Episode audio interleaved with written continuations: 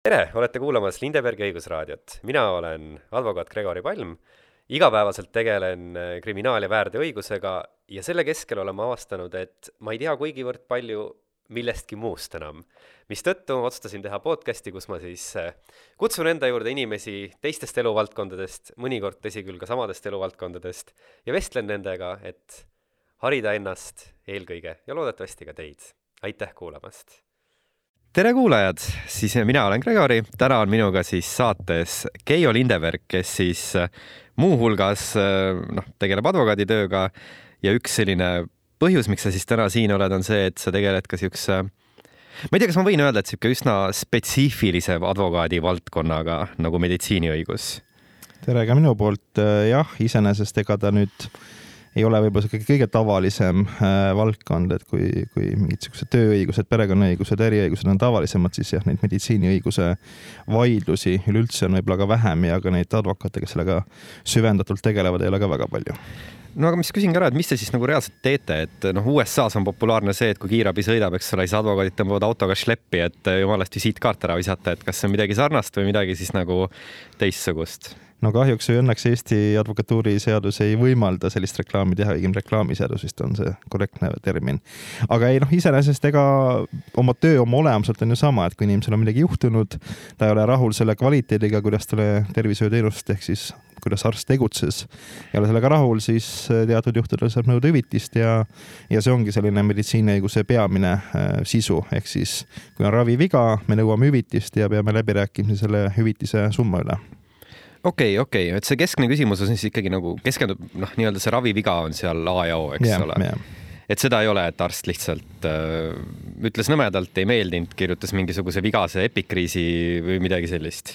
ei no ütleme, on ka selliseid vaidlusi olnud, kus äh, kus klient ei ole rahul selle kommentaariga, mis on tema haiguslukku kirja pandud. noh, see nüüd päris, noh, ta ongi meditsiiniõigusega seotud, aga, aga võib-olla nüüd mitte nii otseselt. aga iseenesest on ka selliseid vaidlusi olnud.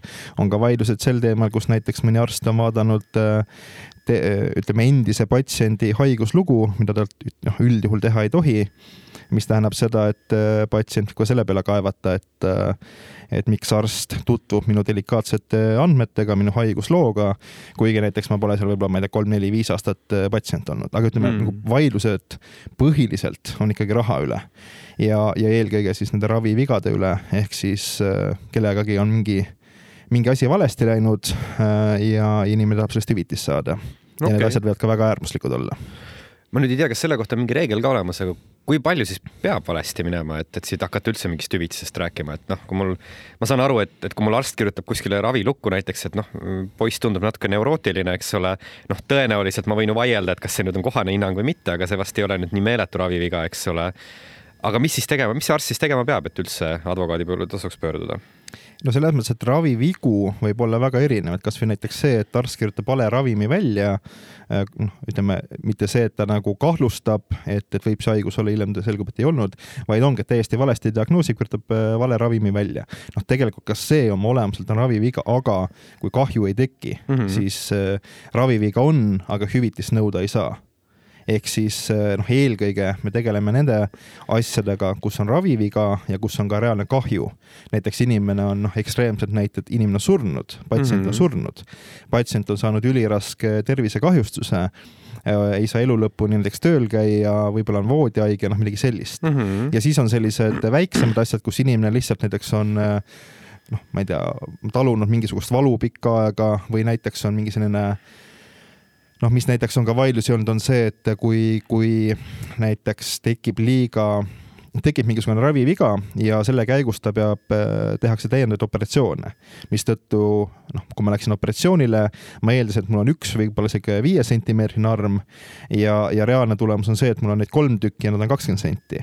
ehk siin tekib ka natukene see nagu esteetika pool, et, et kui arst oleks kõik õigesti teinud mm, -hmm. siis ma nii-öelda see väljanägemine oleks natukene ilusam, aga kuna, kuna arst tegi ravivea, pidi täiendava operatsiooni tegema, siis noh, nii-öelda välimus on ka saanud kahjustada. ahhaa, okei okay,, okei okay., ma see, selle esteetilise küsimuseni kohe jõuame ka, aga ma korra siis vot see ongi see, et noh, oletame, et noh, eks ma arvan, et meil paljudel on ju olnud olukordi, kus äh, oled arsti juures ja noh, ei ole olnud meeldiv kogemus ja ja kus see piir nagu siis noh, kui seda üldse saab niimoodi öelda, kus ta siis nagu päriselt jookseb, et mis hetkel see arst nagu lõpetab sellise noh, kahtlustuse, et äkki, äkki võib olla see, proovime seda ravida. ja kus hetkel nagu algab see päris raviviga, sest noh, enamustel on ju see kogemus ikka olemas, eriti riigimeditsiinis, et et, et noh, see arst võib-olla ei vaatagi sulle otsa, kümme minutit toksib midagi arvutisse, kuulab su paar lauset ära, ütleb, et okei okay,, proovime seda, kui see ei sobi, proovime teist, kolmandat, neljandat, viiendat, sul on plaani X kõik asjad olemas. Kas see on siis raviviga, kui ma olen nagu, söön ravimit B, äh, mis võib, aga ei pruugi töötada? no see kõik sõltubki sellest, et äh, miks arst algselt kahlustas mingisugust haigust et kui näiteks hiljem selgub, et noh, need sümptomid viitasid selgelt haigusele B mm, -hmm. aga raviti haigust A, haiguse A ravimiseks anti mulle näiteks mingit väga kanget ravimit, mis siis mulle tekitab mingisugused pikaajalised mõjud mm -hmm. noh, siis teoreetiliselt me saame rääkida jah, et me saame hüvitist nõuda. aga ütleme, need asjad, millega me reaalselt tegeleme, on ikkagi sellised asjad, kus noh, näiteks on äh, Äh, operatsiooni käigus mingisugune noh, ütleme see skalpell on natukene valesti läinud ja mm -hmm. midagi olulist välja lõigatud või noh, ütleme kahjustada saab mingi organ või on siis äh, noh, ma ütlen ekstreemsed juhtumid on see, et inimene on üldse surma saanud. ja ütleme, neid asju on nagu väga palju, et äh, et üks võib-olla ekstreemsemaid näiteid, mis mul oli ja on olnud, ongi siis see, et tehti südameoperatsioon mm. -hmm. südameoperatsiooni puhul äh, patsient läheb siis üle kunstlikule vereringele ja, ja see tähendab siis seda, et on see aparaat, noh, mis seda verd ringi ajab mm, -hmm. siis sinna sisse läheb üks voolik ja siis inimese kehasse läheb äh, teine voolik, ütleme, seesama vooliku teine ots läheb sinna mm -hmm. ja neid on siis kaks tükki, ehk siis nii-öelda veri sisse, veri välja ja, ja näiteks oligi siis selline juhtum, et eh, noh, nii-öelda praktika oli välja kujunenud niimoodi, et kõigepealt anti see voolik A ja siis voolik B. ja tegelikult eh, mõlemad äh, õed, kes seda siis teostasid, nemad ei, nagu ei rääkinudki vahepeal, et see mm -hmm. vaikides ongi, et ma tean, et ma annan sulle kõigepealt selle A-vooliku ja, ja siis ma annan sulle B-vooliku ja ta, ütleme siis teine õde ühendabki sinna nii-öelda õigesti mis siis juhtus, on see, et need ühendati valesti mm. -hmm. see eh, juba oli aimata hea, kui see lause juba enne tuli, okei okay.. mis tähendas siis seda, et tegelikult see nii-öelda kunstlik vereringe ei hakanudki toimima ja, ja see tähendab seda, et inimene oli ilma hapnikuta, sest noh, veri ajab seda hapnikku ringi mm. -hmm. ja tulemuseks see, et ta sai üliraske ajukahjustuse ja noh, kõige hullem oli see, et seda ei avastatud. sest no ütleme, see ongi selline nii standardprotseduur, et keegi ei tulnud selle pealegi, et nende voolikute ühendamisel läks midagi valesti mm,. ja okay., ja sellisel juhul tekkiski see, et noh, nad said aru, et midagi on väga halvasti äh,, hapnikusisaldus langes ja noh, kõik muud nii-öelda need Äh, häired läksid ka tööle mm, -hmm. aga, aga läks seal päris palju minuteid, enne kui saadi aru, et need voolikud on segamini läinud. ja, ja tulemuseks oligi see, et inimene sai üliraske ajukahjustuse ja, ja noh, see ongi parane, seda ei olegi võimalik parandada mm. -hmm. et ütleme, see on nagu selline noh, mõnes mõttes äh, hästi väike eksimus, et lihtsalt äh, noh, ja mis oli kõige hullem, oli see, et ega me lõpuni teada ei saanud, kes selle vea tegi. ütleme, seal olid kaks õde Äh, üks on siis see, kes selle aparaadi juurest tuleva vooliku ulatas teisele mm -hmm. ja teine on siis see, kes ühendas patsiendi kehaga selle ja noh, nagu sa krimiadvokaadina tead, äh, ütlusi kõige parem äh, anda ei ole mm. -hmm. ehk siis mõlemad vaikisid -hmm. keegi ütlusi ei andnud ja tegelikult noh, see oli tegelikult ju karistusõiguslikult väga tõsine asi mm, -hmm. üliraske tervisekahjustus ja noh, inimene oleks võinud vangi minna aga kriminaalasi lõppes sellega ära, sest kumbki ütlusi ei andnud. noh, prokuratuur teadis, et mul on kas äh, A või B õde, üks neist tegi selle äh, nii-öelda ravivea mm, -hmm. et põhimõtteliselt tegi inimese eluks ajaks invaliidiks.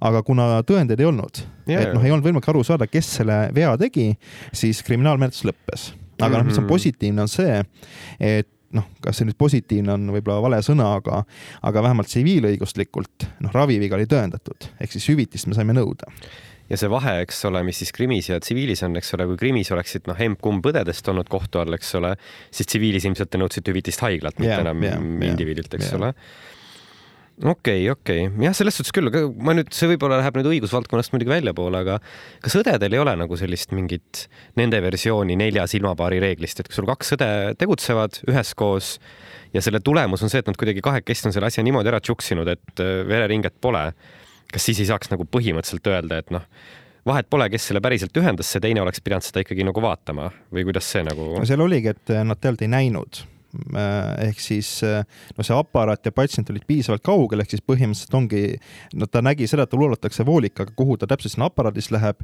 ja kuidas ta täpselt selle patsiendiga ühendatakse, noh, ütleme, seal seda kontrolli ei olnud. noh, teoreetiliselt jah, võib-olla kes arst seal kohapeal oleks võinud kontrollida, aga lihtsalt haigla töökorraldus oligi selline, et nad ei kontrolli, et noh, jällegi see ei olnud esimest korda, et see polnud mingi uus operatsioon, et me hakkame nüüd äh, maailmas esimest korda tegema. Mm -hmm.. noh, see ei ole nagu väga levinud, aga noh, südameoperatsioon ei ole ka selline noh, nii-öelda raketiteadus, ehk siis äh, ei ole nüüd ka nagu nii, nii, nii keeruline, et seda ikkagi tehakse väga-väga palju kordi, oli see töökorraldus välja kujunenud. jah, ütleme kohtuvaidluses tekkis ka see etteheide, et miks need otsad märgistatud ei olnud.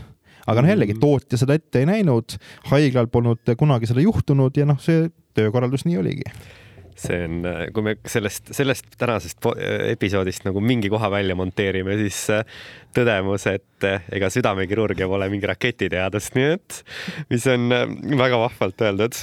selle kohta oli kunagi sketšisaade ka, mis töötas sama, sama ideega.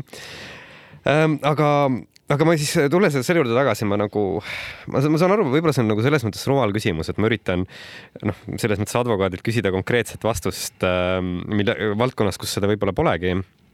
aga mis hetkest siis nagu sina soovitad nagu päriselt üldse kaaluda kellegi poole pöördumist, sest arsti juures nõmedaid kogemusi on palju, need skaalad on erinevad.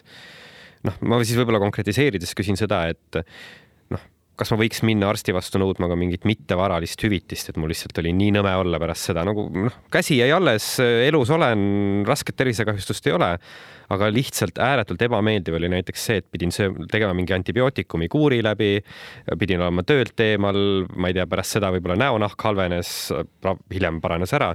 kas see tuleb kõne alla või pigem Eestis ei, ei lenda? No ütleme niimoodi, et nõuet esitada saab. ei no muidu seda muidugi. aga, aga kui noh, mõelda, et advokaadil on tasu mm -hmm. ja, ja seda tasu peab maksma, ehk siis kui meie hüvitise summa on seal noh, ma ei tea, mõned sajad eurod mittevaraline on mõnisada põhimõtteliselt no, Eestis no, ka tavaline, jah? nojah, ütleme, see sõltub nagu sellest äh, kahju, kahju ulatusest mm. -hmm. et see, et mhm. mul kaks päeva käsi valutas, noh, sealt nagu kümneid tuhandeid oodata on, noh, ei mm, ole väga tõenäoline ehk siis, aga noh, jällegi kõik need hüvitise summad, mis teilt on täiesti eraldi, eraldi teemaplokk, äh, ongi siis see, et äh, ei ole Eestis olemas sellist nii-öelda tabelit, et meil on Exceli tabel, äh, Keial valutas käsi kolm päeva, ta saab hüvitist kolmsada eurot, no sellist mm -hmm. asja pole olemas. no see on täpselt sama nagu kriminaaliski, et teil kohus vaatab lakke ja ütleb, et minu hinnangul neid asjaolusid, asjaoludega tutvudes, õiglane hüvitis on tuhat eurot, lähen ringkonda ja ütleb, et ei, õiglane on viis tuhat.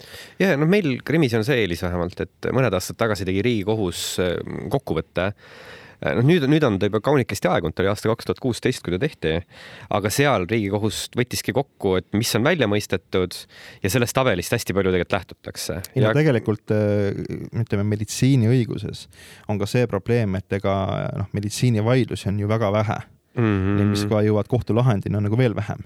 ehk tegelikult ega eelkõige me vaatamegi sinu töölauda, ehk siis mis kriminaalis toimub mm, -hmm. et kui mhm. ongi, ütleme, organikaotus on, ma ei tea, viis tuhat eurot näiteks, noh siis sellest me nagu lähtume okay.. aga muidugi siin on jah see eripära, et krimis ju sageli on näiteks kaklus, et võib-olla see kannatanu oli ka aktiivne, ma ei tea, tõukas teda, siis sai peksa, onju.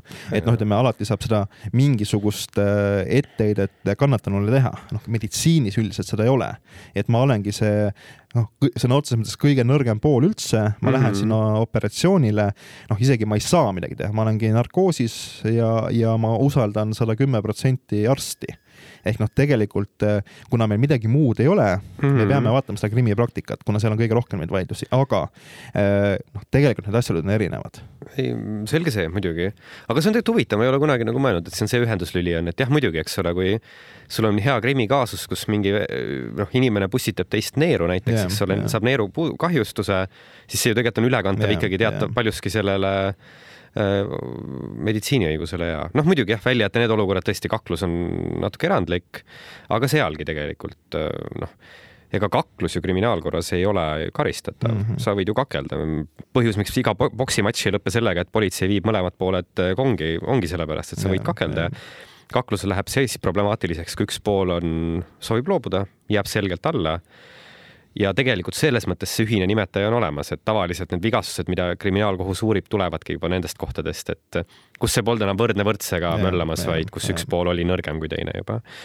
aga aga mis need hüvitised siis on siin Eestis üldse, et noh, Ameerikas, eks ole, jällegi seal mõned inimesed lähevad kohtusse lootuses, et äkki noh, ikkagi kümme milli kukub, eks ole, aga mis siis Eestis need, see suurusjärk umbes on selle väikse kohtupraktika peale, mis seal on?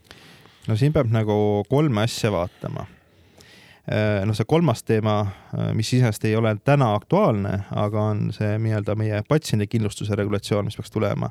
et seal ütleb näiteks seda, et absoluutselt maksimaalne hüvitis, palju üks inimene saab nõuda, on sada tuhat. Hmm.. ehk siis äh, ja, ja tegelikult see summa äh, oli siis, tekkis niimoodi, et võrreldi erinevate, no ütleme, lähiriikide äh, regulatsioone ja siis leitigi, et selline kõige raskem äh, tervisekahjustus võiks tuua kaasa siis hüvitise sada tuhat eurot mis see, mis see lähiriikide praktika oli, kas see oli mingi Ukraina ja Venemaa või see oli ikkagi nagu Soome, Norra, Rootsi? Soome oli seal kindlasti sees, ma nüüd täpselt ei mäleta, mis need riigid olid, aga seal ütleme, Soome oli, oli kindlasti okay. üks, üks neist riikidest. aga no ütleme, ta oli ikkagi nagu Eestiga võrreldavad riigid, et päris nagu Aafrika riik ei, ja, ja asjad.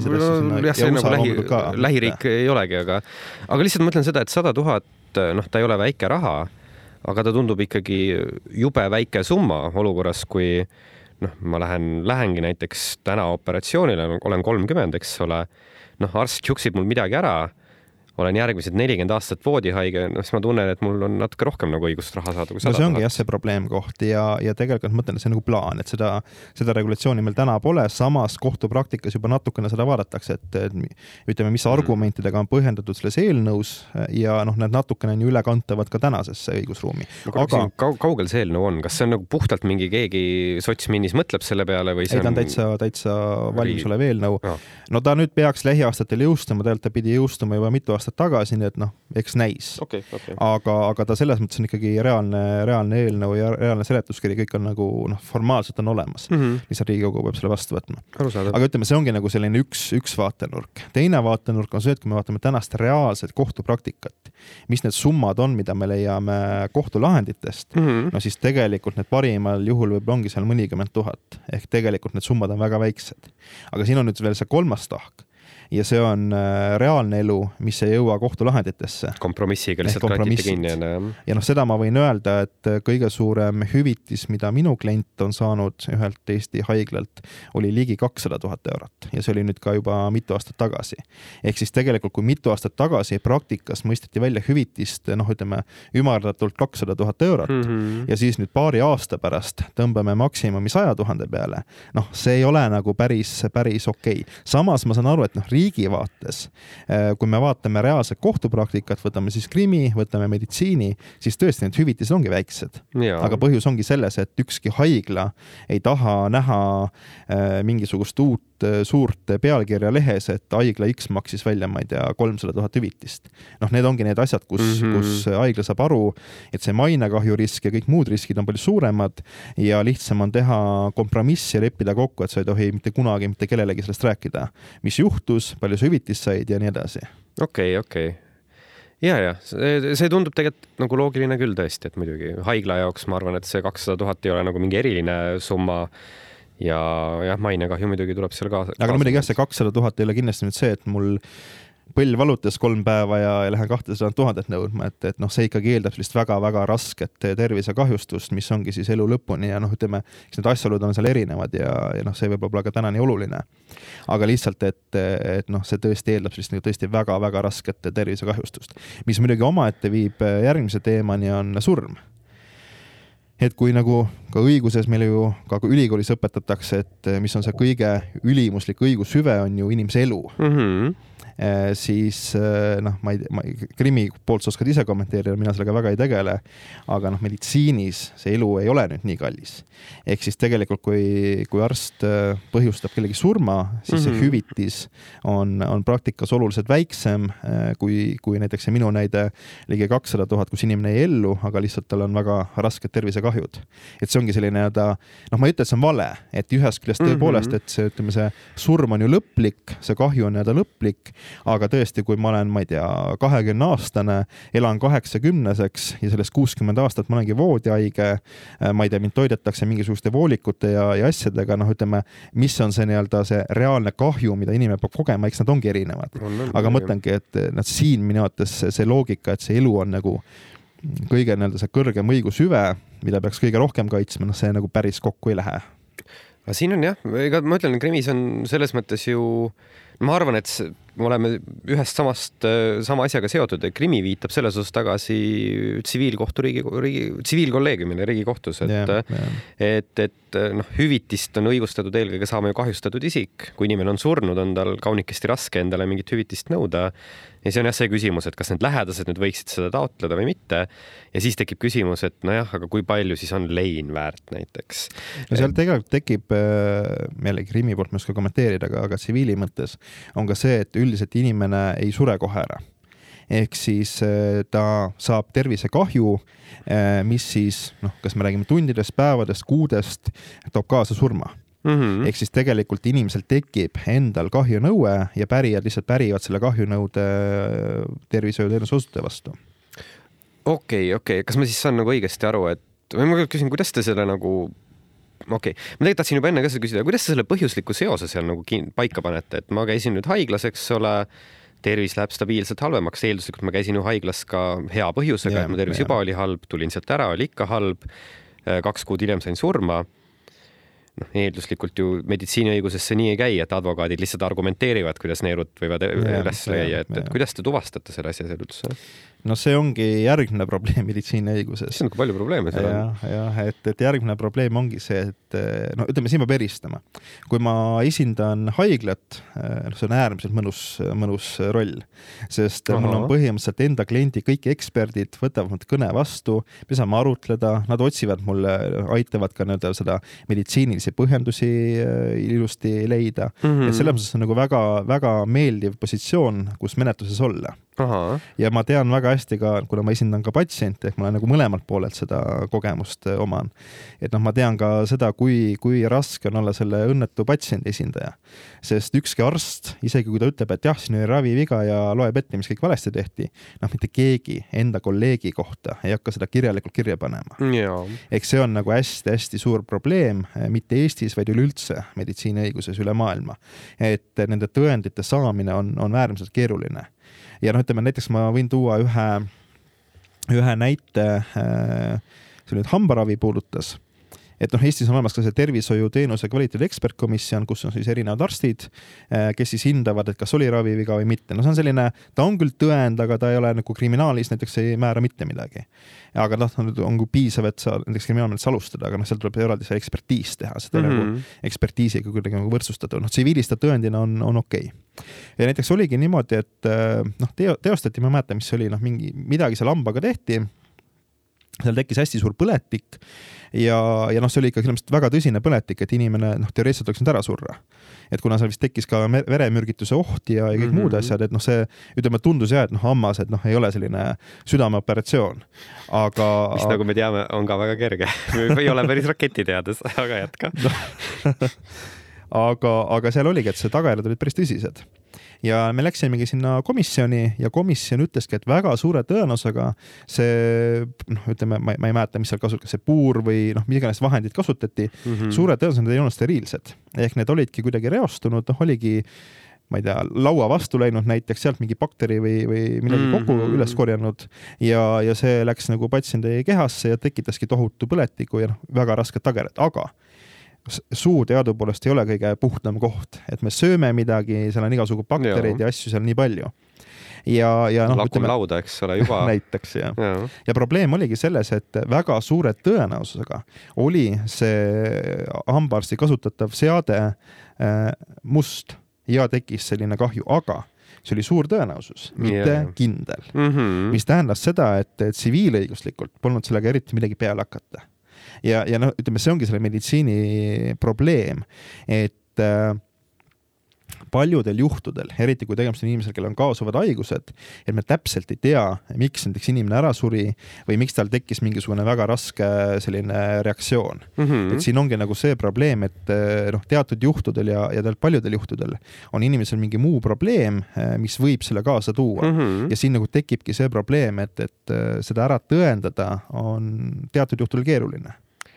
Aga ei, ma kujutan ette, elu on maru keeruline tegelikult ju meditsiiniõiguses veel eriti, sest et see noh, on põhjus, miks arstid õpivad nii kaua, kui nad õpivad seda kõike. mis juhul te siis suudate selle üldse ära tõendada, mida sul siis vaja on selleks, et see oleks nagu nüüd tõendatud?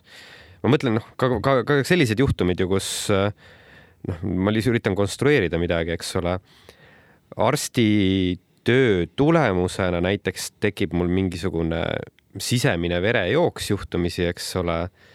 no okei okay,, kas see, see siis vist on nagu üsna lihtne ära tõestada, eks ole, et meil on nagu no, selge põhjuslik seos. ei ole see ka? on olemas nii-öelda raviviga ja olemas tüsistus tüsistus ongi selline tagajärg, mis võibki selle konkreetse raviprotseduuriga, tervishoiuteenusega tekkida. noh, näiteks kui on sooleoperatsioon, siis seda soolt kinni õmmelda niimoodi, et sealt midagi lekkima ei hakkaks, ongi hästi keeruline hmm.. meditsiiniliselt see ongi hästi keeruline ja lihtsalt on mingi protsent tõenäosus, et see sool võib hakata lekkima ja tuleb teha näiteks täiendav operatsioon. no see on lihtsalt üks näide.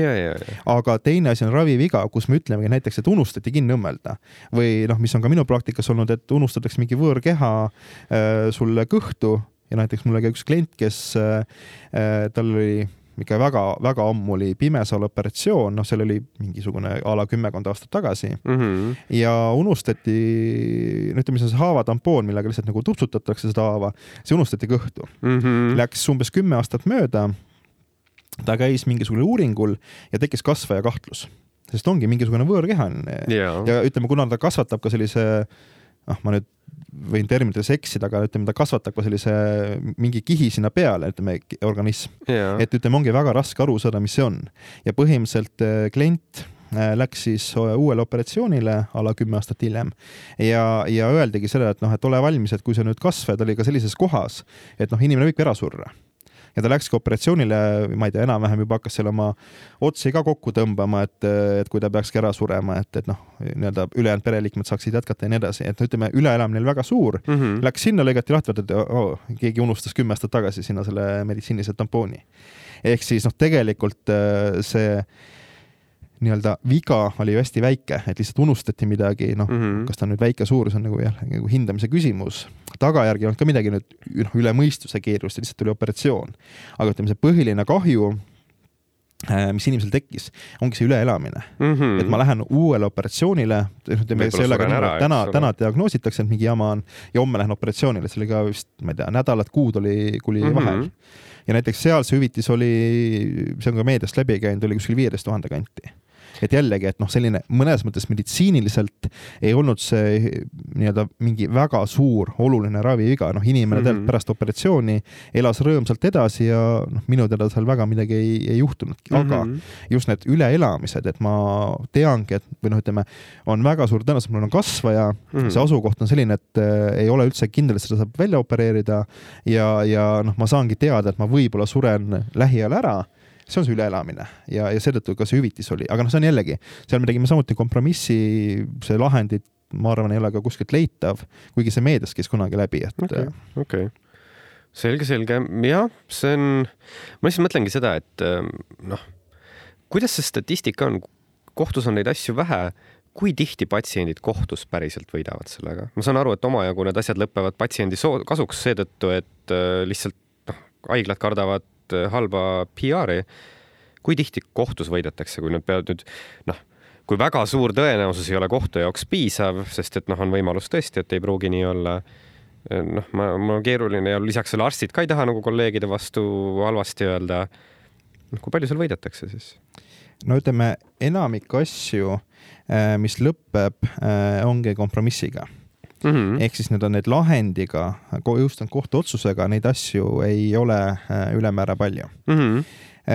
mis on nüüd eripära on ka selles, et sageli me ei vaidle mitte ravivea üle, vaid me vaidlemegi just sellesama hüvitise suuruse üle mm. -hmm. ehk siis äh, meil ei ole vaidlust selle üle, näiteks kasvõi seesama näide, kus meil oli see südameoperatsioon ja, ja ühendatigi need voolikud valesti mm. -hmm. seal ei olnudki midagi vaielda, noh, see oli nagu fakt. Äh, see oli ka ainukene põhjus, miks see nii-öelda verering ei saanud tööle hakata, nii et noh, selle üle vaidlust ei olnud aga ainukene küsimus, mille üle me vaidlesime päris pikalt, oli hüvitise summa mm. -hmm. ja see oli täpselt seesama teema, et kuna, kuna see kahju oli meeletult suur, ütleme mm -hmm. noh, see patsient oli, täpne vanus pole võib-olla oluline, aga, aga ta oli hästi noor ja, ja tema eeldatav eluiga oli ikka noh, enam-vähem nii nagu keskmiselt on yeah.. mis tähendab seda, et äh, see kahju, äh, noh, mida inimene pidi kogema või peab kogema, oli aastakümneid mm. -hmm. noh, ütleme siin näiteks tekib ka selline küsimus, et äh, mis minu teada ei ole ka kohtupraktikast otseselt läbi käinud ja ka seal see lõpuks lahendini ei jõudnud, kuna tuli kompromiss. et oletame näiteks, et inimene Äh, ongi terve, ta saab bussiga liikuda, ta saab igale poole käia, no ütleme, minu nii-öelda liikumine ei ole takistatud mm. -hmm. aga nüüd mul on selline väga raske tervisekahju. no sul on hooldajat vaja kõiki asju. hooldajat on vaja, näiteks transport, mis tegelikult on hästi kallis.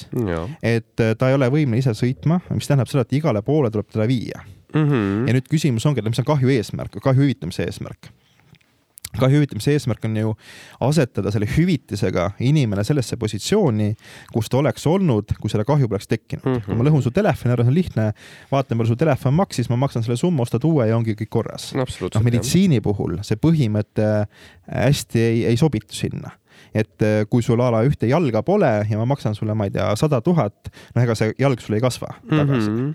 ehk ja no ütleme, ja teine aspekt, mis tekib, on ka see, et äh, kui me nüüd tõepoolest ütleme või noh, näiteks analüüsime, et äh, mis juhul oleks keegi nõus lubama endale sellise tervisekahju tekitamist ehk noh, ma ei tea, võtame siit jala maha ja ma ei tea, miljoniga oled nõus, noh, et siis me võtame selle nagu aluseks mm. -hmm. noh, siis tulebki see USA süsteem natukene, kus need summad lähevad väga ulmeliseks, aga mis on nagu Eesti eripära on ka see, et eh, puudub ju majanduslik suutlikkus. et kui me selle haigla, noh, ma ei tea, palju nende suurte haiglate eelarved on, aga noh, ütleme, kui me neid maksta miljoneid ja miljoneid välja, siis lõpuks tekib ju see oht, et eh, tavainimene, tavapatsient, kes tahab minna ja oma ravi saada, ei saa seda, sest kogu haigekassalt tulev raha makstakse hüvitisteks välja Ja, et siin ongi ja. see kaalumiskoht, et kui palju me maksame sellele patsiendile, kes sai tervisekahju ja, ja, ja kui palju me siis lubame selle nii-öelda haigla eelarvet vähendada selle võrra mm. -hmm. et siin tekib ka nii-öelda selline aspekt, mida peab alati ka kohtus, kohus kaaluma. et jällegi, et kui me ütleme, et kogu haigla eelarve maksta välja kannatanule, noh, siis on kohe probleem. ja kas arstidel ei ole mingit seda oma versiooni kutsekindlustusest, sest noh, advokaatidel me kõikidel on need olemas, et me maksame omast taskust mingi raha, et kui midagi kategooriliselt valesti läheb, siis on kindlustusandja maksab.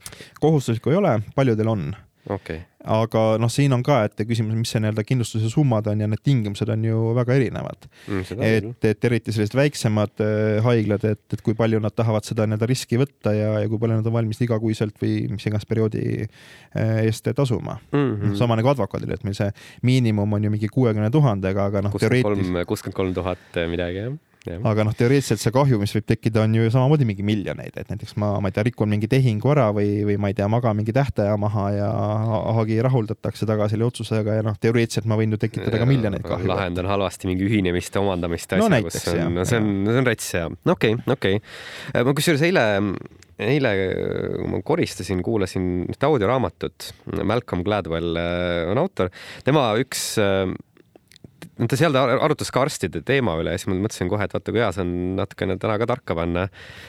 et ähm, ja ta tõi, ta tõi siukse fakti välja, et äh, ebaproports-, et arstide puhul see suhtarvuna sellesse, kui palju neid antakse kohtusse, ei ole nii väga määrav see, kui kompetentsed nad on enda töös, vaid selles, et kui meeldivad inimesed nad on. et piltlikult öeldes ravivea läbi elanud inimene ei taha anda toredat arsti kohtusse, sest ta on tore inimene, tal on hea tunne sisse aga isegi nagu väikeste vigadega nõme arst nagu palju karmalt antakse.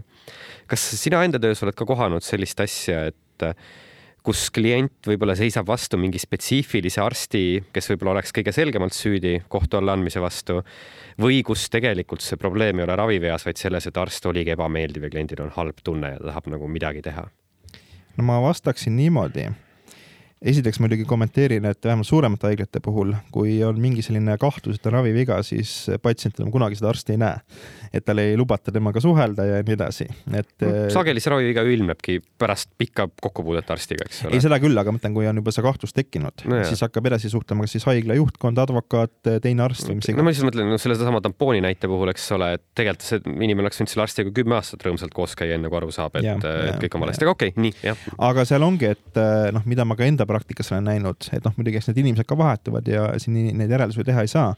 aga, aga mitmel juhul ma olengi näinud, et, et see patsient on meeletult vihane äh, selle haigla vastu just seetõttu, et kuidas temaga suheldakse ja käitutakse pärast seda mm., kui tekib see ravivea kahtlus mm. -hmm. noh, näiteks äh, noh, paar näidet äh, oli siin ka mõned aastad tagasi üks juhtum, kus oli sünnitus, äh, sünnituse käigus laps suri mm. -hmm. ja siis põhimõtteliselt äh, see haigla juht äh, või vähemalt esindaja kutsus või no ütleme, mingi, mingi kohtumine seal oli ja põhimõtteliselt kogu sisu oli see, et aga näete, Eestis surebki iga aasta teatud arv lapsi ja noh, juhtus noh. et, et selles mõttes, et noh, ütleme nüüd vanematele, kes on kauaoodatud lapse kaotanud mm -hmm. ja näinud pealt, mis seal kõik toimus, on selline totaalne kaos ja nii edasi. et et ja siis hakata nii-öelda õigustama sellega, aga noh, juhtubki ja, ja, ja et noh, ütleme, see oli ka üks, üks see, kus kliendid olid äärmiselt vihased. ja noh, jällegi ka teine näide kus oli äh, lapsega ka tegemist, aga noh, tema jäi küll ellu, kuigi jälle üliraske ajukahjustusega ja nii edasi mm. -hmm. aga samamoodi, et, et see, kuidas, äh, kuidas temaga käituti, noh, alguses esimene pakkumis oligi, et jah, saad küll hüvitist kümme tuhat ja ela, ela selle äh, üliraske ajukahjustusega lapsega edasi järgmised kaheksakümmend aastat, hoolda teda ja nii edasi -hmm., kümme tuhat saad ju või, või ütleme kümme, kakskümmend tuhat. no see oli nagu naeruväärselt väike, väike hüvitis ja üldse kogu see suhtumine oligi selline, et noh, see ütleme siis selle lapse isa mingi hetk ütles, et ta võtab relva ja läheb, laseb lihtsalt selle haigla juhi maha. noh, see oli küll selline ähvardus ei olnud, ma ei pidanud teavitama, aga ütleme, et inimlikult täiesti arusaadav, selline nii-öelda emotsionaalne. no seal me tegime ka jällegi kompromissi lõpuks.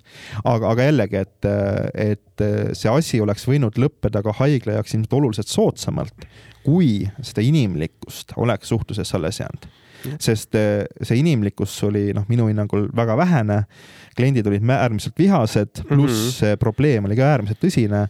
Äh, jällegi väike laps, üliraske ajukahjustus, paranemistõenäosus null ja, ja elab veel, ma ei tea, mitukümmend aastat, ehk noh, ütleme see kahju on meeletu. Ja, ja, ja kogu see suhtumine oli selline, et noh, juhtus ja natuke saad raha ja ela rõõmsalt edasi, noh, see ei ole see õige. et kas siis põhimõtteliselt nagu võiks öelda, et sellel Malcolm Gladwellil võib noh, mis iganes statistikal ta viitab, võib õigus olla, et noh, kui tegelikult, kui tuleks see arst, ütleks, et tõesti anna andeks noh, ma saan aru, et okei okay,, kui su laps jääb eluks ajaks invaliidiks, sa võib-olla ei võta seda nagu äh, andeks palumist vastu, eks yeah, ole yeah. aga ma saan aru, et päris hulka probleeme laheneks tegelikult ära, kui lihtsalt äh, inimlikult ütleks, et sorry või noh, vabandust, tõesti läks ja ei hakka mingit jama tootma ja. no eks inimesed on erinevad Hmm. et äh, on ka selliseid juhtumeid, kus, kus tegelikult ongi arst äh, tunnistanud viga, vabandanud äh,, noh, sellised väga noh, ise ka väga halvasti tunneb ennast mm. -hmm. ja ongi, mingid aastad on rahulik ja siis võib-olla noh, ma ei tea, keegi räägib, et kuule, sa saad ka hüvitist nõuda ja mm -hmm. siis nagu need suhted muutuvad, et on ka selliseid näiteid, aga ma ütleks küll, et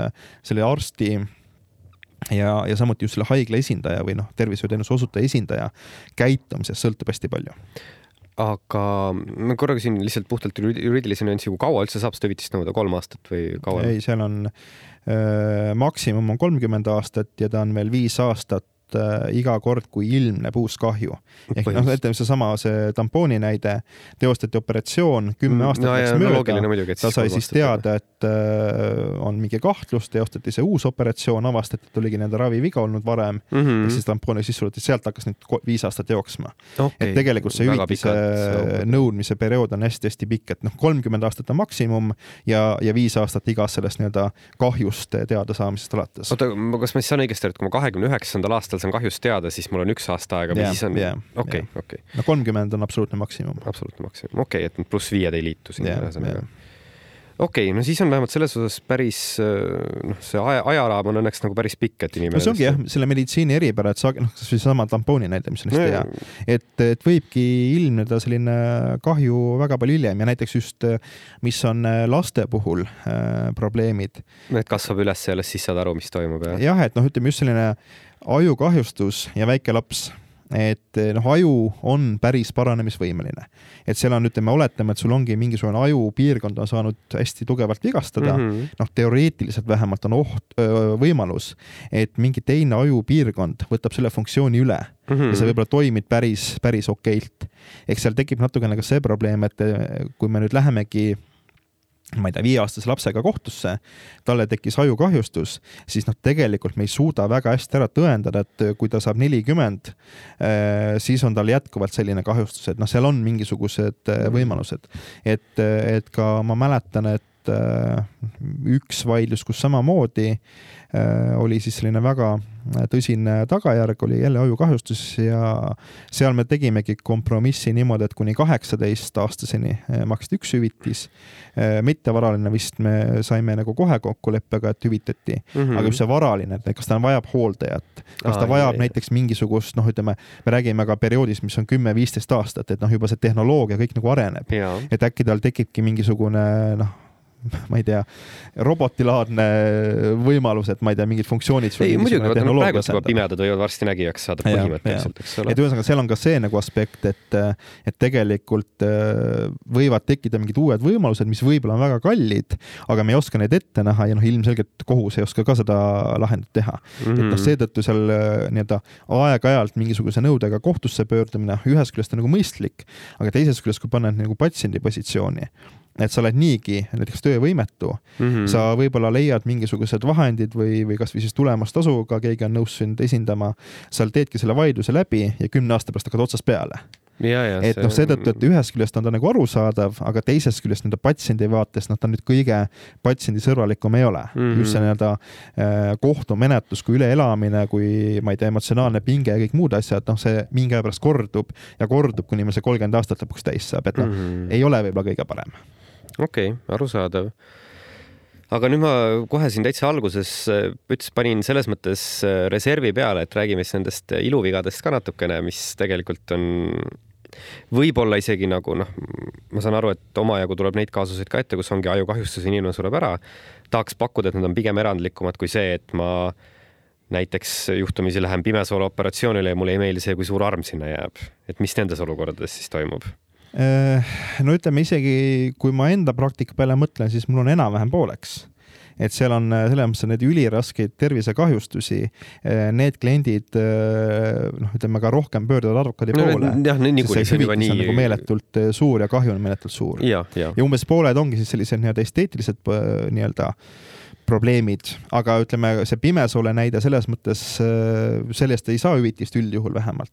just seetõttu, et äh, kui ma lähengi nii-öelda pimesoole operatsioonile, siis me hindame puhtalt seda raviviga, kas on õigesti kokku õmmeldud, kas kõik, mis pidi eemaldama, on eemaldatud, noh, midagi kogemata sisse jäänud ja nii edasi mm. -hmm. aga see, kas see arm on mul nüüd natukene viltu või oleks võinud, ma ei tea, pool senti lühem olla, noh, see on selline, sellest nagu hüvitist nõuda üldjuhul ei saa noh, seal on jah, erand on see, kui midagi läheb nihu ja peab, ütleme, viis, viis, viis korda veel opereerima, mul tekib viis uut armi sinna veel juurde. kas äh, see tähendab ka seda, et okei okay,, ma saan aru, pimesool on jah, selles mõttes niisugune intuit-, noh, ka minu loogika ütleb, et seal ei saa mingit meeletut esteetilist kahju olla, kuna see asub ka niisuguses piirkonnas, mida inimesed väga tihti ei näe. aga kui mul on näiteks, lähen operatsioonile, mis iganes põhjusel mul on näoga mingi viga, ja operatsiooni tulemusel raviviga ei tehta, see, mida iganes nad ravivad, saab ravitud, aga mu näo, nägu on deformeerunud. lihtsalt nende armide tulemusel, mis selle tulemusel tekkisid, kas siis võiks nagu midagi kõne alla tulla, kui on vähemalt võimalus, et mõni teine kompetentsem arst oleks võib-olla teinud väiksemate armidega, et ei oleks deformatsiooni no, siin ütleme, peab eristama kahte erinevat tervishoiuteenust, kus on täiesti erinevad põhimõtted.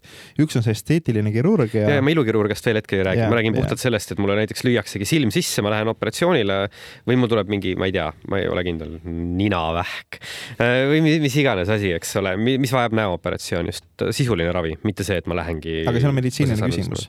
kas meditsiiniliselt oli raviviga või mitte. Et ütleme, see, et sul nii-öelda välimus on mitte nii ilus enam mm, -hmm. noh, see nii-öelda automaatselt mingit hüvitiseõigust kaasa ei too. et hüvitiseõigus on ikkagi konkreetselt siis, kui on raviviga, sest see protseduuri eesmärk ei ole sinu nii-öelda välimust parandada või säilitada mm, -hmm. vaid lahendada mingi meditsiiniline probleem on see siis kasv või on see, ma ei tea, luu, lahtine luumurd või noh, mis iganes muu asi on ju. okei okay,, aga ma saan sellest aru küll ja et muidugi ees, primaarne eesmärk on, eks ole, see, et et me peame tagama seda, et see lahtine luumurd saaks parandatud või mis iganes. ütleme näiteks võib tuua ka sellise olukorra, et sul on mingi selline suur tätoveering ja, ja noh, me lõikame ta nii-öelda keskelt pooleks ja nüüd küsimus on ka selles, et kas, kas arst peab nagu täpselt selle nii-öelda kujundi no. Äh, nurgad äh, Ei, kokku ajama või mitte. et jällegi, et noh, põhimõtteliselt, kui sul see kujund ära rikutakse äh, ja sul ongi, ütleme noh, ma ei tea mingi, mingi ese on niisugune nii-öelda poole pealt pooleks lõigatud, noh siis teoreetiliselt me võiks nagu öelda, et see on kuidagi niisugune ei, ma, ma ütleme seda, ma see, see, selle puhul isegi, ma, see hetkel see näide isegi nii väga ei kõneta mind. ma, ma lihtsalt mõtlen seda eelmist küsimust lõpuni viies, et kui me noh, ravimegi näo peal mingit asja, näol on mingi probleem, me ravime selle ilusti ära, aga üheksal juhul kümnest jääb sellest järele näiteks mingisugune arm, mis ikkagi jääb näole näha, näiteks suurusega kolm sentimeetrit. aga nüüd selle arstiga tema nagu tšuksis natukene selle kokkuõmblemise ära, mul jäi mingi kümme sentimeetrit armi, kuigi asi sai ravitud. kas ma siis ikkagi ei või minna midagi nõudma?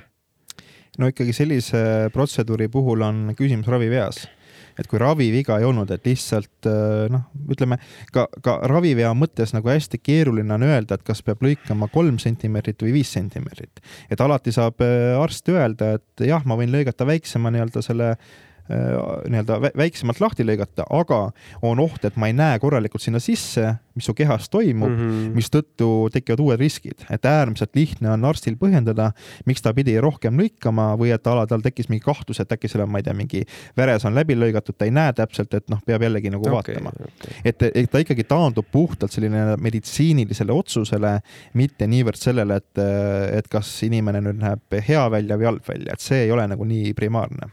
Mm. -hmm et pigem siis vastus on ei, jah?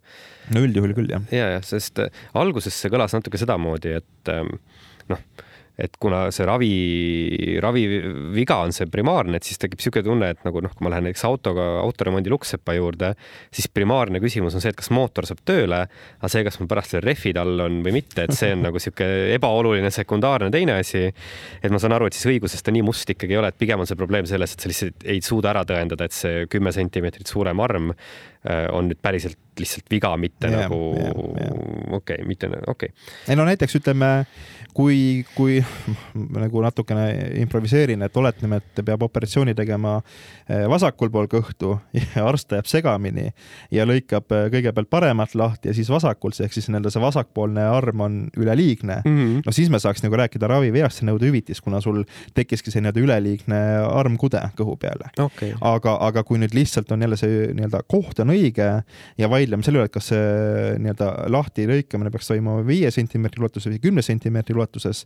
no seal on lihtsalt niivõrd palju meditsiinilisi aspekte mm, -hmm. kuidas saab põhjendada, et äh, lihtsalt arst ei tahtnud riske võtta, ta lõikab pigem rohkem lahti, et ta näeb paremini, tal pääsevad kõik need äh, mis iganes instrumente peab kasutama mm, -hmm. need pääsevad paremini sisse ja jällegi ravivigade tõenäosus on väiksem tänu sellele. arusaadav. ehk okay. siis noh, see ütleme, teoreetiliselt on see võimalik hüvitist nõuda, aga noh, praktikas on arstil noh, niivõrd lihtne ära mm -hmm. põhjendada ja noh, seda ümber lükata on jällegi üli-ülikeeruline okay see tegelikult no, tundub ausalt öeldes loogiline ka, et muidugi see noh, lõppude lõpuks arstide eesmärk on ikkagi päästa elusid yeah,, päästa yeah. tervist, mitte nii väga tagada seda, et sul kohtingul hästi läheks. välja arvatud siis, kui see on, äh, ongi see nii-öelda plastiline kirurgia. okei okay,, aga mis siis seal nii teistsugust on? Äh, ma nüüd ühel puhul, eks ole, sattusin arsti juurde sellepärast, et mul oligi, ma ei tea, lahtine luumurd, eks ole, ja nad möllavad, teevad. teisel puhul ma lähen arsti juurde selle mõttega, et tahaks, et mu põsesarnad natuke prominentsemad oleks. mis siis nagu ühel puhul, mis siis teisel puhul teistmoodi on?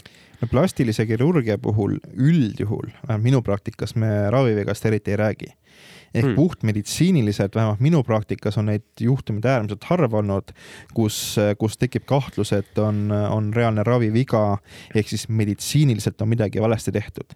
vaidlus on pigem selle üle, et kas ma olen rahul selle välimusega, mis mul pärast seda operatsiooni on mm. -hmm. ja noh, muidugi jah, seal on küll olnud, ütleme, mingid näited, et kus a la rindades sul voolab veel pool aastat mäda välja, sul on mingid voolikud sees ja, ja nii edasi, et aga noh, seal, seal jällegi on, et on see tüsistus ehk siis tagajärg, mis ei ole võib-olla väga sage, aga võib juhtuda, siis sul pannaksegi mingi võõrkeha mm -hmm. kehasse näiteks. või siis teine variant on äh, ikkagi see, et me puhtalt räägime sellest visuaalsest poolest, noh näiteks noh, ütleme kõige rohkem minu praktikas ongi just rindadega olnud neid äh, vaidlusi mm, -hmm. kus ongi siis ütleme, nad ei ole ütleme ühesugused, on kuidagi ema, ebaloomulikult näiteks kõrgele need implantaadid paigaldatud või midagi sellist mm. -hmm. et, et seal me hakkame just seda visuaali hindama. ja, ja sealt tegelikult eelkõige taandub vaidlus teavita, teavitamisele mm. -hmm. ehk siis, kas patsient teadis et kas ta pidi teadma, et on risk, et selle operatsiooni tulemusena mul ei olegi ilusad ühesugused sümmeetrilised rinnad näiteks mm -hmm. või noh, mis iganes muu ilu, ilukirurgia, vaid et ongi mingi asi on noh, a la lopergune, mingi asi on kõrgemal, midagi madalamal, mingi asi on noh, mis iganes, on ju ehk siis eelkõige on küsimus selles, et kas arst teavitas patsienti kõikidest riskidest mm -hmm. ja, ja siis sellest lähtudes tegi patsient otsuse, et jah, ma sellist protseduuri tahan. ja, ja, ja noh, eelkõige need taanduvadki sinna. okei okay., aga kuidas see praktikas selles suhtes välja näeb, et ma ei usu, et me kohtame väga palju arste, kes tahavad sulle sessiooni alguses öelda, et jah, paigaldame sulle nüüd uued ilusad sümmeetrilised rinnad, eks ole. muide joonealune märkus, võib-olla tulevad jube koledad välja aga ma raha tahan ikka. et, et kuidas nad päriselt teavitavad, kas seda tehakse tegelikult või... see on läinud paremaks, noh, ütleme patsiendile antakse ette paber, kus on tihedas kirjas mitu lehekülge teksti. no, kes selle nii-öelda läbi loeb, on nagu üks küsimus, aga noh, kui patsiendi allkiri on all, siis tegelikult patsient on teavitatud, et me ei garanteeri, et see tulemus visuaalselt on selline, nagu sa tahtsid. aga no ütleme näiteks üks, üks näide äh, reaalsest praktikast on siis see, et noh, jällegi kunstrinnad, et kas implantaat paigaldatakse nii-öelda lihase alla või lihase peale mm. -hmm. noh, need protseduurid on erinevad, mälu järgi sellega hinnavahe ja riskid on ka erinevad mm. -hmm. ja tegelikult, kus see vaidlus millega ta lõppes, oligi siis see, et kohus siis tuvastaski, et jällegi klient ei saanud aru, mis on nende kahe protseduuri erinevus. Ja ta valis selle nii-öelda vale protseduuri seetõttu, et ta ei saanud aru, mis need riskid on. Ja need riskid realiseerusid, mistõttu kohus leidiski, et tuleb hüvitist tasuda. aga mis see standard siis on, sest et ma tean, et noh, tsiviilpraktikas on ju see, et noh, tüüptingimustele juba vaadatakse kriitilise pilguga otsa, et, et tavatarbija mingis seda, et sulle lükatakse väikses tekstis juriidilist äh, mingis ladina keelt näkku, eks ole, seda ei peagi tavainimene aru saama. nüüd me meditsiiniõiguses paneme veel täiendava nüansi juurde, et me ei lükka ainult noh, kui ma enne kasutasin ladina keelt nagu veits halvustavalt, siis noh, meditsiiniõiguses me panemegi päriselt ladina keelt. Need terminid ei olegi kellegi jaoks arusaadavad, et mis, mida see arst siis, kuidas ta teavitama peab, et no ta ei tohi kasutada ladina keelt, et selles mõttes, et teavitamine ei tähenda seda, et ma võtan mingisuguse meditsiiniõpikust väljavõtte, panen patsiendile nina alla ja küsin allkirja mm. -hmm. et ütleme, üks see standard, mille järgi me hindame, kas patsient pidi aru saama, ongi see, et noh, on ta tavakeeles. kui seal on juba ladinakeelsed terminid sees, siis noh, ilmselgelt keskmine patsient aru ei saa mm. -hmm. teine standard on see, et kuivõrd lihtsalt see on lahti seletatud. et jällegi, et ja siin peab ka vaatama, miks see patsient on. et kui patsient on selline väga eakas inimene, kellel juba vanusest tingituna näiteks mingisugused arusaamisvõime probleemid, siis ja. temale peabki väga lihtsalt kõik asjad lahti seletama mm. -hmm. kui tegemist on näiteks teise arstiga, siis loomulikult ilmselt võime ka eeldada, et ka sellist nii-öelda ladina keele kasutamine iseenesest ei ole vastunäidustatud. no see on loogiline patsiendist, patsiendist lähtuvalt. et noh, eelkõige ütleme, kui see asi läheb kohtusse ja ideaalis, kui meil on olemas see kirjalik teavitamine, siis meil ongi konkreetne paber, me kõik saame lugeda ja saame hinnata, kas, kas mina saan aru, kui advokaat, kellel ei ole noh, meditsiinist haridust mm -hmm. ja kohtunik samamoodi, et kui juba tema aru ei saa, no siis ilmselgelt on siin probleem. kui tema saab aru, siis me hakkame hindama, et kas näiteks arstil pidi olema teadmine, et see konkreetne patsient, noh, on ta siis vanus, on mingisugune muu haigus mm, -hmm. tal on see arusaamine kuidagi raskendatud. kui, kui arst pidi aru saama, siis ta pidi oluliselt lihtsamalt rääkima okay.. kui ta ei pidanud aru saama, siis noh, tegelikult see nii-öelda keskmise inimese kvaliteet, noh, see ongi piisav.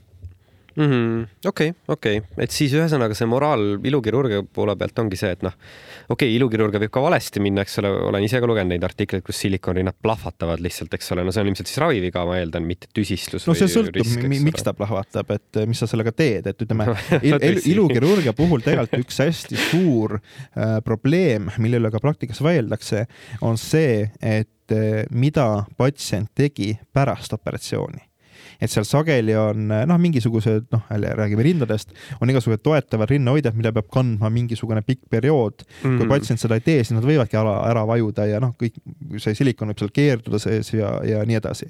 et ütleme, seal on nagu hästi palju selliseid äh, ka meditsiinilisi kohustusi, mis patsiendil on pärast protseduuri mm ja seetõttu võib ka olla keeruline hinnata, et kas see nüüd oli nii-öelda meditsiiniliselt tehti midagi valesti või patsient ise eh, seda hoolsuskohustust ei täitnud, ta ei hoolitsenud nii, nagu ta pidi mm, -hmm. ma ei tea, a la magaski kõhuli ja noh, nad lihtsalt puhtalt nii-öelda raskusjõuga on kuidagi ära vajunud. oota, kas siis, äh, kas ma saan siis nagu õigesti aru, et vähemalt kuskil maailmas on olemas dokument või standard, et mis on normaalne asi, mida oma rindadega teha ja mis asi mitte või?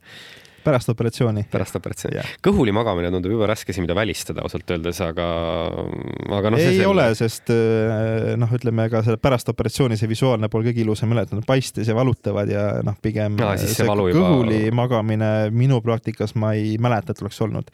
pigem on kõik need äh, toestavad, äh, need noh, jällegi räägime silikonrindadest. noh, see on vist kõige tavalisem. ei ole, noh, on ka igasugu teisi, aga ütleme, ta on jah, selline noh, ütleme jah, neid võib-olla on minu praktikas rohkem olnud. Hmm.. et ongi just see, et eh, kas eh, seda toetavat rinnahoidjat, punkt üks, kas on üldse see toetav või on tavaline sportrinnahoidja näiteks, on ka selline vaidlus mul olnud. Hmm.. ja teine asi on see, et kui kaua see peal oli, et kas nagu noh, piisavalt kaua seda kanti, et no ütleme, hmm. seal on erinevaid, ütleme, eks need protseduurid on erinevad, need nõuded on erinevad, et seetõttu neid vaidluskohti võib nagu erinevaid olla, aga, aga noh, ütleme selliseid asju peab ka hindama. okei. Okay., ja kuule, aga siis meil hakkabki aeg otsa, ma küsin veel viimase küsimuse et, et käisin mina nüüd juhtumisi, mängime läbi, et käisin ilukirurgi juures, tulemusega päris rahul ei ole, et mis puhul ma siis sinu juurde peaks tulema, mis puhul peaksin mõtlema, et noh, kas oligi, kas on vaja üldse?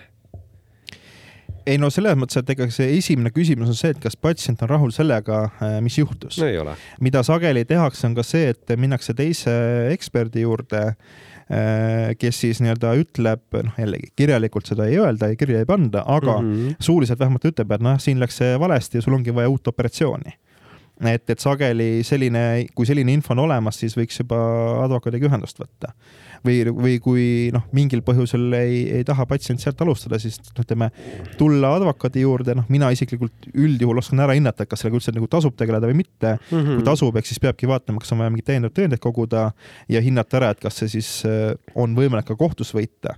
aga noh, jällegi need on ka sellised asjad, kus, äh, kuna tegemist on erameditsiiniga, kus see nii-öelda turundus ja hea maine on äärmiselt oluline. kompromissi võimalus on ka ja, suurem, jah ja aga noh, see jällegi pole ka alati, et noh, jällegi kui, kui saab väga selgelt ette heita patsiendile, noh näiteks konkreetne juhtum jällegi, jälle kunstrinnad, et äh, patsient läkski äh, operatsiooni järgsesse ülevaatusesse täpselt samamoodi ilma selle tugirinnahoidjata, siis neil oli tõend olemas, et näe äh,, sa pidid kandma, noh, suvaline näide, kaks nädalat, nädal aega hiljem sa käisid, sul ei olnud seda peal, järelikult sa oled rikkunud mm. -hmm. et noh, siis tekib kohe selline probleem, et, et kas me suudame ära tõendada või mitte okei okay,, tundub jah keeruline, sest mõtlen, et noh, juba ravimitega, eks ole, kui vähe on inimesi, kes antibiootikumi kümnepäevase kuuri lõpuni teevad, eks ole, sest et noh, see mingi hetk ei viitsi enam, enam ei, kõik ja. ei paisteta, ei mädane.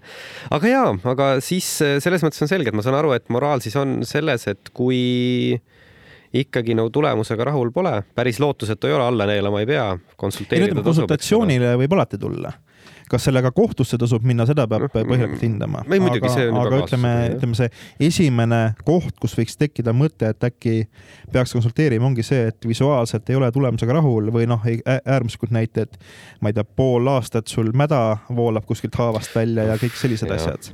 et need voolikud sees äh, ja, ja noh, kõikvõimalikud muud probleemid, et, et noh, need visuaalselt ka ei ole võib-olla kõige ilusamad vaated. okei okay,, ja äh, pool aastat voolab mäda välja selle ilusa mõtteteraga, täna siis lõpetame ka. aitäh, minuga siis äh, minu vestluskaaslane oli täna siis äh, Keijo Lindeberg, aitäh, et tulid. aitäh kutsumast. ja te kuulasite Lindebergi õigusraadiot, mina olin Gregori Palm